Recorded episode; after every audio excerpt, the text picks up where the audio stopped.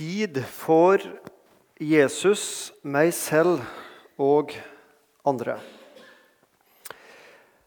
Ove las eh, søndagens tekst til en åpning, så da skjønner du at da bruker ikke jeg søndagens tekst som preketekst. For jeg har valgt å snakke om noe som jeg tror er veldig, veldig aktuelt i den tida vi nå skal gå inn i. Adventstida. Um, det jeg skal si nå, det tror jeg passer hele året. Men det er ekstra aktuelt nå. Jeg har preka om det før. Jeg har faktisk preka den preka jeg skal preke nå. Den snakka jeg her om for to år siden. Men jeg går altså ikke rundt og innbiller meg sjøl at mine preker er så gode at folk husker dem i mange år. Så da er jo det som er fordelen, da, det at du kan ta det om igjen. Men det kan jo hende at du kjenner igjen noe. Og det kan veldig godt hende at jeg tar samme preika om to år igjen. Jeg tar ikke om ett år, men kanskje om to år. For jeg tror det er veldig aktuelt.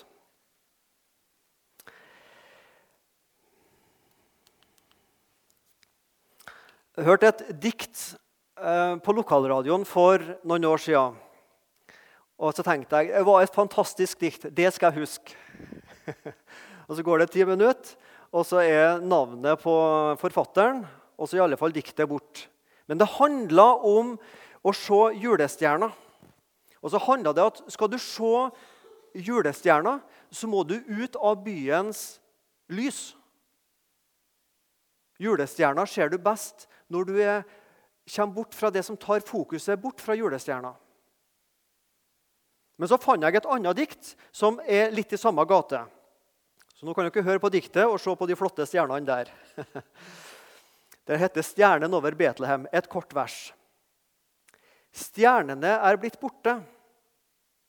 Hvis du anstrenger deg og kniper øynene sammen, får du naturligvis øye på dem. Men byens mange lys kommer i veien. Vi formelig bader i lys fra lampen på vårt eget nattbord til flombelysningen ved Oslo rådhus. Med flammende lysreklamer holder vi mørket på avstand. Jeg tror Det er et dikt som prøver å si noe om at vi, vi søker så mange slags lys i vår hverdag og liv for å holde de vanskelige tingene på avstand mørket. Men det vi skal snakke om i dag, det er faren ved å fylle seg med mange forskjellige typer gode lys som tar fokuset bort fra det virkelige lyset, Jesus Kristus. Vi skal snakke rett og slett litt om hva det vil si, eller hvordan du og jeg i tida vi nå går inn i, kan prioritere å gå jula og Jesus i møte og kom til julaften i forstå meg rett, bedre åndelig stand enn når vi starta på denne vandringa. Tid for Jesus, meg selv og andre. Og et litt rart kanskje adventsvers fra Jesaja 28, 16. Derfor sier Herren Gud, se, jeg har lagt en grunnstein på Sion, en prøvet stein, en kostbar og fast hjørnestein. Den som tror, haster ikke. Et snedig vers. Eller en snedig setning. Liksom. Ja, Grunnstein og hjørnestein, jo, jo, det har vi hørt preika om Jesus Kristus og frelsens grunn. Og så kommer denne setningen. Den som tror, haster ikke. Hva i alle dager er det det handler om?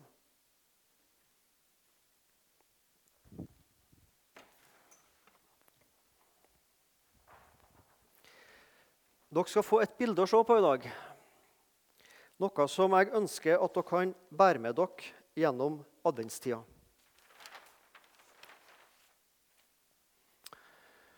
Det er ikke langeviseren og korteviseren når klokka er tre.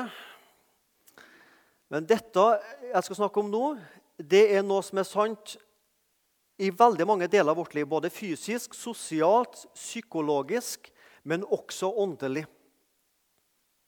Og det er en lov som handler om sjel. Og så kaller jeg det her stress. Det kommer litt bedre fram på engelsk. Da heter det 'speed and soul'. Soul and speed. Hvordan du har det i ditt sjelelige liv, og hvordan, hva slags tempo vi omgir oss med i vårt liv. Vi kan også sette en par andre stikkord. Tro og tempo.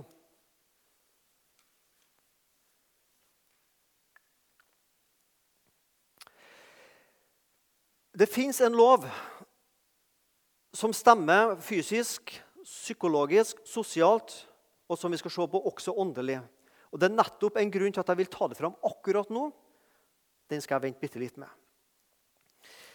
La oss nå ta det litt sånn fysisk. da, start der. Hvis jeg ligger på sofaen min hele dagen, kan jeg da forvente at kroppen min blir veltrent og musklene gode? Nei. Skal jeg trene opp min kropp og du din kropp til å bli fysisk i god stand, så må vi tilføre kroppen litt energi og på en måte litt tempo. Ikke sant? Skal Petter Northug gå fort på ski, så må han trene tempo for å bli god skiløper. Sånn er det fysisk. Sånn er det sosialt. Hvis jeg bare gjemmer meg for meg sjøl og sitter på min egen stol, så får jeg ikke noe sosialt liv. Skal jeg få et bra sosialt liv, så må jeg også bruke tid på andre mennesker. Det som er en lov, det er at jo mer på en måte, tempo du tilfører livet ditt, jo bedre går det med ting. Jo mer trening, jo bedre fysikk, jo mer tid jeg bruker på andre mennesker, jo mer sosial blir jeg. Du får ett barn, Tempoet går litt opp i livet. Det føles greit. Du får to barn, du får tre barn. Fire-fem, kanskje noen også. Så kommer det til et visst punkt der det kanskje ble litt, litt for travelt. Hvorfor tar jeg dette fram?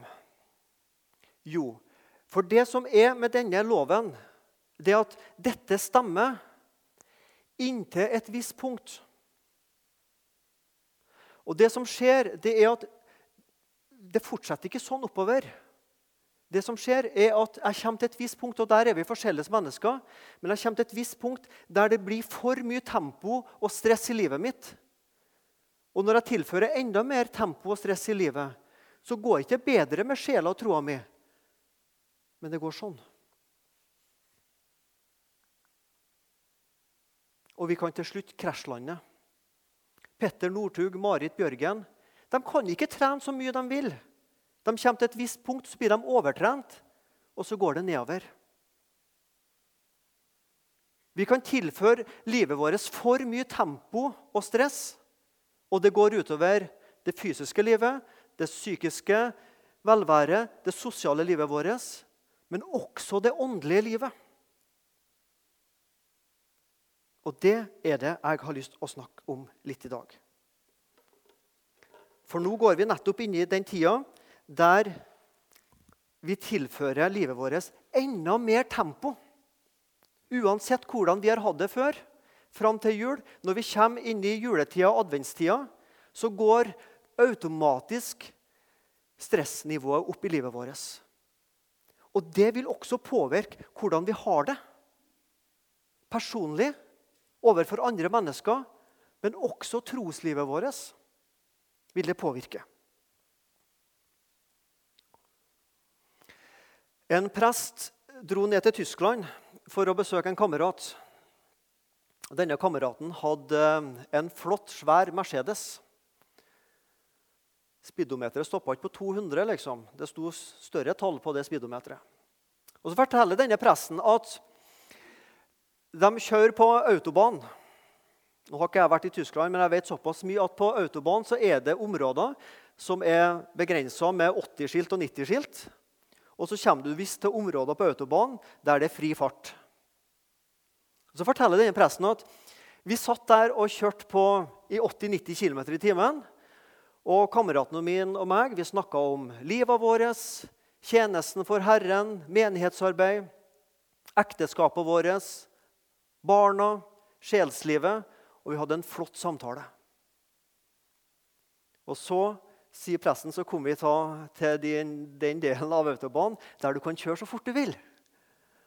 Og så sier han da la jeg merke til noe. Klumpen gikk i bånn. Og ved 160-170 km i timen så ble det helt stilt inne i byen. Helt stilt. 200.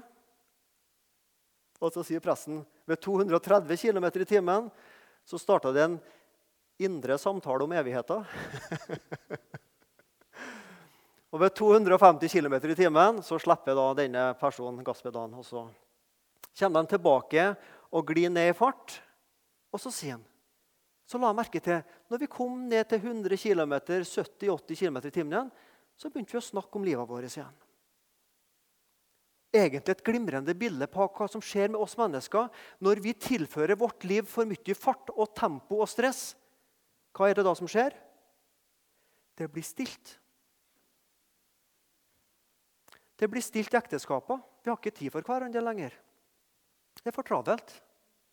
Vi snakker ikke sammen lenger. Det var faktisk bedre om vi ropte til hverandre. Men det blir stilt. Jeg har ikke tid til ungene mine lenger. Det blir stilt overfor ungene. Jeg har ikke tid til venner lenger. Det blir stilt overfor dem. Og verst av alt det blir stilt overfor Gud. Jeg har ikke tid til bønn lenger. Har du sagt den setningen? 'Jeg har ikke tid til å be og lese i Bibelen'? Jeg har sagt det mange ganger. Det er den største løgn og unnskyldning vi har. Selvfølgelig har vi tid. Vi har 24 timer i døgnet. Men jeg tar ikke meg tid til det. Når livet ditt og mitt blir for stressa, for mye tempo, så vil det automatisk gå utover sjelslivet og troslivet ditt og mitt.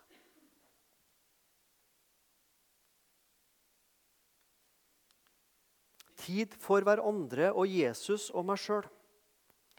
Og Grunnen til at jeg tar ut dette akkurat nå, når vi går inn i adventstida, det er som jeg sa, nettopp fordi nå går vi inn i den tida der uansett hvilket utgangspunkt du har på travelhetsstigen, så vil livet ditt bli enda travlere i tida i ukene fram mot jul. Sånn er det iallfall for de fleste av oss. Jula kommer tidligere hvert år, sier vi. Dette er et utklipp fra Stavanger Aftenblad 1928. Ja, Ikke så mange av oss som husker akkurat det, men det er altså det. Da er det 17. desember. Da var julegatene pynta i Stavanger. Det var i 1928. Dette er 13. november 2010. Da er julegatene pynta rundt 1. november. Jula har kommet snart to måneder tidligere enn fall ikke jula, men advent. har kommet to måneder tidligere.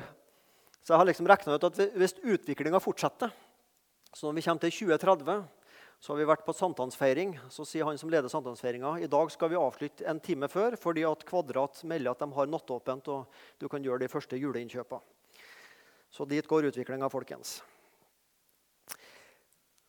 Sånn føles av og til julestria. Beina fer foran oss, og vi sliter med å henge etter. Ja, her er det noen som kjenner seg igjen, både med og uten hatt.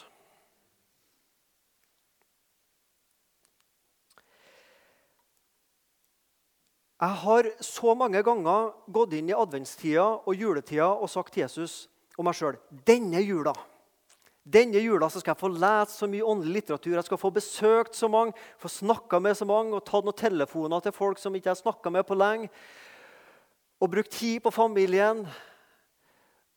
Å, det skal bli så mye Jesus denne jula. Og så har jeg kommet til nyttår og så har jeg kjent en sånn litt ubehagelig følelse av at ah, Det ble ikke sånn i år heller, sånn som jeg hadde håpa og ønska.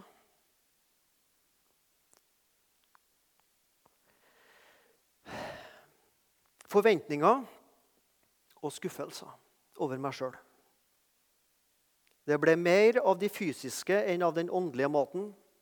Det ble mer av gavene enn av sjølve gaven med stor G. Det ble mer stress og byrder enn engler og hyrder. Hvorfor ble det slik? For meg Jeg tror mange som sitter og hører på nå, kjenner seg igjen. Hvorfor ble det sånn? Det var ikke sånn vi ønska det, men det ble sånn. Var det fordi vi gjorde spesielt mange store synder i tida rundt jula? Nei. Var ikke det. Var det det at jeg begynte å leke med spesielle andre religiøse eller filosofiske ikke-kristne tanker? Og tenkte kanskje det var det som teller i livet? Nei. Men det handler om denne loven. At jeg tilførte for mye stress og tempo i livet mitt. Og opplevde at egentlig både sjelslivet mitt og troslivet mitt det gikk nedover.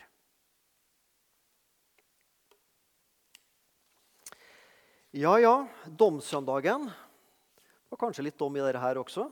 Iallfall noe å tenke over. Men Jesus svarte til Martha og sa til henne, 'Martha, Martha, du gjør deg strev og uro med mange juleforberedelser.' Vi tilpassa ordet her litt til tida vi lever i. Men ett er nødvendig. Maria har valgt den gode del, og den skal ikke bli tatt fra henne. Grunnen til at jeg vil ta dette nå, det er også at vi kan gjøre noe valg i den tida vi går inn i. Det å være klar over denne kampen og denne loven, og at dette kan slå inn i ditt og mitt liv Bare det å være klar over det, det er halve kampen. For da kan vi gjøre noe med det. Martha stressa på. Det var ikke juleforberedelser den gangen. Men hun ville det så godt for Jesus og resten. Men det gikk utover hennes trosliv, det tempoet og stresset hun satt i sitt liv. Martha. Og Så tar Jesus hun ned og sier, 'Martha, det er ett som er nødvendig. Det er mange ting som er viktige. Det er viktig med mange sorter julekaker og med flott pynt og rent hus og rene barn og det ene og det andre. Ja, det er viktig, det er flott. Men det er ett som er viktigst. Og det som er viktigst, det kan vi gjøre noe med. Maria har valgt den gode del. Det var et bevisst valg fra Marias side å sette seg ned ved Jesus sine føtter og slakke av på tempoet, slik at sjelslivet, åndslivet, fungerer godt. Det var et valg Maria tok. Ta noen viktige valg nå i adventstida. Reduser tempoet der du kan. Kanskje skulle denne preka vært holdt neste søndag når julemessa er ferdig. Jeg vet ikke, men ja, Det er en nødvendig stress. Det må vi gjennom. For vi vil det beste for misjonen med det ene og det andre. ikke sant? Men tenk gjennom nå i tida fram til jul. Er det ting du kan la vente til etter jul? La vente til over nyttår? Må det akkurat gjøres nå? Reduser tempoet der du kan. Noen av dere som hører på, har jo småbarn og skolebarn. og vi må jo starte i midten av november med alt som skal avsluttes. Vi starter tidligere med alt som skal avsluttes for hvert år. Vi må ta noe valg. Det sto en prest en gang på en talerstol. Historien er sikkert ikke sann, men poenget er veldig godt. Det sto en gang en prest på en talerstol og hadde gjort et valg. Jeg skal besøke alle i menigheten min i løpet av året. Det valget tok han, så han starta på 2. januar og ringte rundt og var på besøksrunde. Så kom han til julaften og sto på talerstolen og sa at dere vet det valget jeg har gjort og bestemt meg for. Er det fortsatt noen her i forsamlinga som ikke har fått besøk av uh, meg, presten? Kikka han seg ut i forsamlinga. Det er en ei uke, sånn, så det er fortsatt mulighet. Kom det opp ei hånd. Hvem tror du sier han det var? Prestens kone. Vi må ta noen valg i livet og slakke ned på tempoet for at det står om vårt trosliv.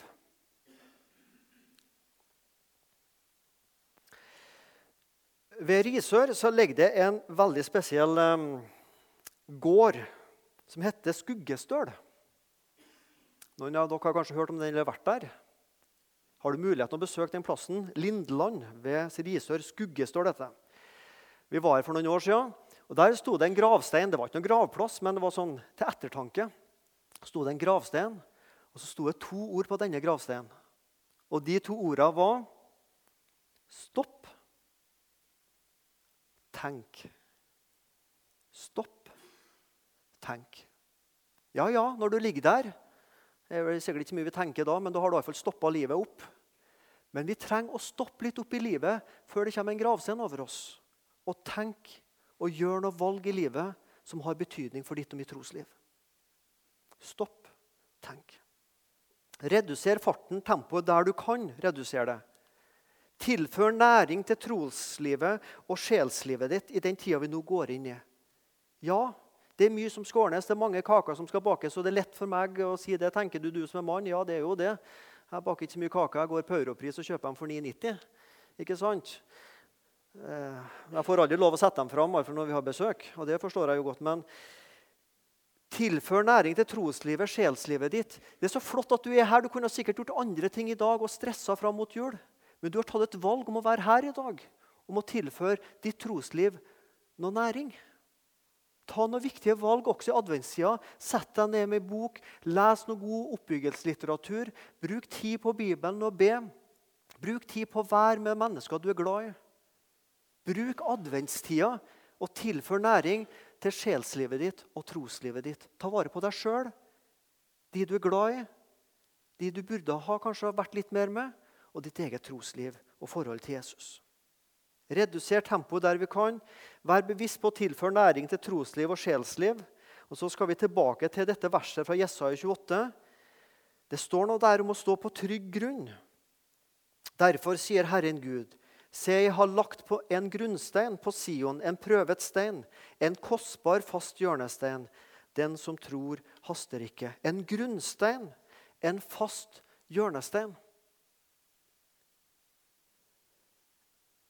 For livet vårt generelt, og spesielt den tiden vi nå går inn i, så er det viktig å vite hvor står vi Hva står jeg, hva bygger jeg livet mitt på når livet blir travelt? Fordi travelhet, tempo og stress det tror jeg fører til et grunt trosliv. Vi husker den lignelsen Jesus fortalte i Markus 4 om Guds ord som ble strødd ut på ulik hjertejordsmonn, ikke sant? Noe falt i god jord, men noe falt på steingrunn. Det var ikke noe hold i det. Det var et grunt trosliv. Og når sola steg opp og skein på det, så visna det bort. For det var ikke noen røtter i det troslivet. Og jeg tror at en leve et travelt liv med stress, det fører til et grunt trosliv. Det fins ulike farer. Ja, umoral. Ja, Falsk lære, ja. Mammon, ja. Hovmodighet, definitivt. Men jeg tror også travelhet er en sånn fare for ditt og mitt trosliv som vi må være oss bevisst. Stå på noe trygt og godt. Fast grunn. Et trosliv, et sjelsliv, som vokser og blir tilført næring. Som ikke har blitt sultefòra pga. tempo og stress. Du må finne noe ro i livet ditt.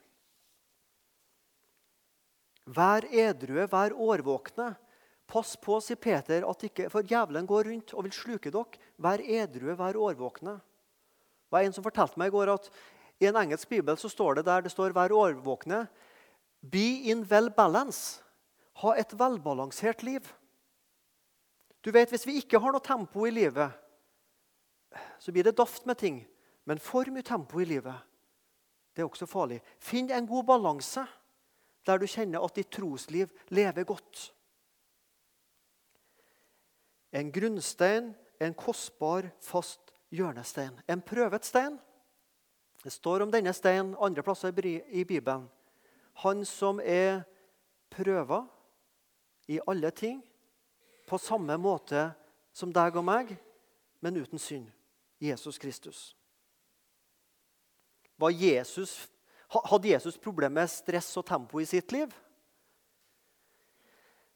Nå skal ikke jeg lese for mye inn i Bibelen, men Jesus er sann Gud og sant menneske. Og Jesus som sant menneske i Getsemane han har gått våken i mange timer. Han visste hva som venta seg. Det står at han svetta blod. En kroppslig reaksjon på stressreaksjonen innvendig. Han visste hva som venta. Og nettopp i Getsemane så hang frelsen, din og min frelse, i en tynn tråd. Jesus som menneske ber altså til sin far, 'Far, la meg slippe.' Det er jo det han ber. Vi husker jo lettest påhenget 'ikke som jeg vil, men som du vil'. Men sjølve bønna er jo 'la meg slippe'. Jesus ble frista til å gå bort fra frelsens vei. Jesus som menneske. Og Kanskje var det pga. det stressnivået som var i Jesus. Mulig jeg leser for mye inn i Bibelen, det får dere ha meg tilgitt. og for det skal vi aldri gjøre. Men jeg tror Jesus i den situasjonen var veldig pressa. Det var han. Men Jesus kommer til konklusjonen. Jeg står på en trygg grunn. Jeg står på fars grunn. Jeg vet hvorfor jeg er kommet her til jord. Jeg ble født den julaften for å frelse mennesker. Jeg skal gå til korset for å frelse mennesker fra deres synder. Jeg skal stå opp for å gi mennesker et nytt liv, en håp om en himmel. Det er den faste grunnen jeg står på. Der levde Jesus. En prøvet, fast stein. Og han sto prøvelsen i Getsemane.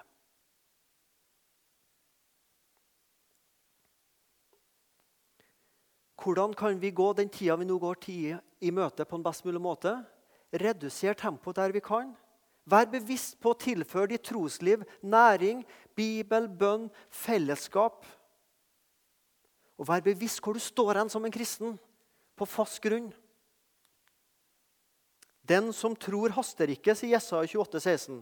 Det samme bibelverset finner vi en par plasser i Nytestamentet. Romerne 9, 33 og 1. Peter 2, 6. Der står det sånn Den som tror på ham, skal ikke bli til skamme. Paulus og Peter sier vi har bygd livet vårt på en prøva stein, på en hjørnestein.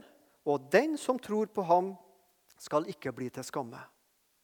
Det er deres tolkning av Jesaja 28, 16. Jeg tror det at når du og jeg haster fram som kristne i livet med et altfor stort tempo, da står du og jeg i fare for å komme til skamme i livet. Vi lever grunt trosliv, vi lever overfladisk, og vi blir til skamme. Ja, i verste fall så blir vi til skamme på dommens dag og går evig fortapt. Men den som tror på ham, skal ikke bli til skamme. For et evangelium! Med mitt ufullkomne liv og med ditt ufullkomne liv så får jeg stå vaklende på en fast grunn. Det er mye bedre enn å stå oppreist, sjølbevisst på en vaklende grunn. Men med ditt og mitt liv, ja, jeg får snakke for meg sjøl, så kan jeg komme med min synd og mitt vaklende liv og min tilkortkommenhet og mitt tempo også i livet og få stå på en fast grunn. Noe som bærer, noe som holder. Hvordan vil du bruke adventstida? Leste du fellesmailen som ble sendt ut i løpet av uka? Vi skal ikke ta håndsopprekning på det. Ikke alle har Internett, men uh, bruker å sende ut som fellesmail. Der skrev jeg et spørsmål du skulle tenke gjennom til i dag. Så nå skal vi finne fram eh, notisblokk og så skal vi da skrive ned alle svarene som alle har å gi. Nei da. Men jeg skrev da et spørsmål i fellesmailen. Hvordan må jeg prioritere for å ta vare på mitt åndelige liv? Fram mot jul. Hvordan må jeg prioritere for å ta vare på mitt åndelige liv fram mot jul? Håper du har tenkt over det. Og jeg har prøvd å gi noen svar. Redusere på noe tempo og la ting vente som kan vente. Vær bevisst på å tilføre troslivet ditt næring med bønn og bibel og fellesskap. Og disse tingene. Og vær bevisst hva du tror på, og hvem du tror på. Min drøm er at jeg på julaften jeg kan våkne første juledag. Det er jo da jula starter. Så ønsker jeg jeg kan si å, nå er det jul. Jesus, jeg fikk bruke adventstida til å forberede meg på det som nå er. Å, nå er det jul, Jesus. Det skal handle om deg. Hva tenker gjennomsnitt Ola Kari Nordmann om jul? Jo, jeg tror mange tenker jula starter i slutten av november når juleutstillinga kommer. Og så stresser vi på, og så våkner vi første juledag med den tanken Åh, det er godt det er ett år igjen til neste gang. Det er godt det er ferdig for denne gangen. Ferdig? Jo, da det starter. Jo, da jula starter. Vi starter jo på advent nå. Jula starter jo juleaften eller første juledag. Men bruk adventstida, forberedelsestida, til å forberede deg på det store som skal skje. At Gud kommer ned til oss i Jesus Kristus. Sånn at vi kan bruke denne tida til å undre oss. Tenk, han kom. Og tenk han kom for meg og for meg som synder og for mine synder. Og tenk at dette har blitt mitt liv. Men da trenger jeg og du å redusere litt der, sånn at ikke ditt og mitt sjelsliv og trosliv skal krasjlande. Ei annerledes adventspreike, men jeg tror den er utrolig aktuell. Jeg tror bare stillheten her i lokalet forteller oss hvor aktuelt dette er. Kjære Jesus Kristus. Tilgi meg synd. Tilgi meg tanker, ord og gjerninger. Jeg har krenka deg med tanker, ord og gjerninger, som det står i synsbekjennelser. Men til og med også at jeg har krenka deg med å ha det for travelt for deg. Herre Jesus, minn oss på om å være edrue, være årvåkne, ha livet i en god balanse, slik at ikke djevelen får taket på oss, og vi lever et grunt kristenliv men kan ha et kristenliv med dype røtter ned til deg, Jesus. Og at ditt ord kan felle i god jord i denne adventstida. Velsign oss til det for ditt eget navns skyld. Amen.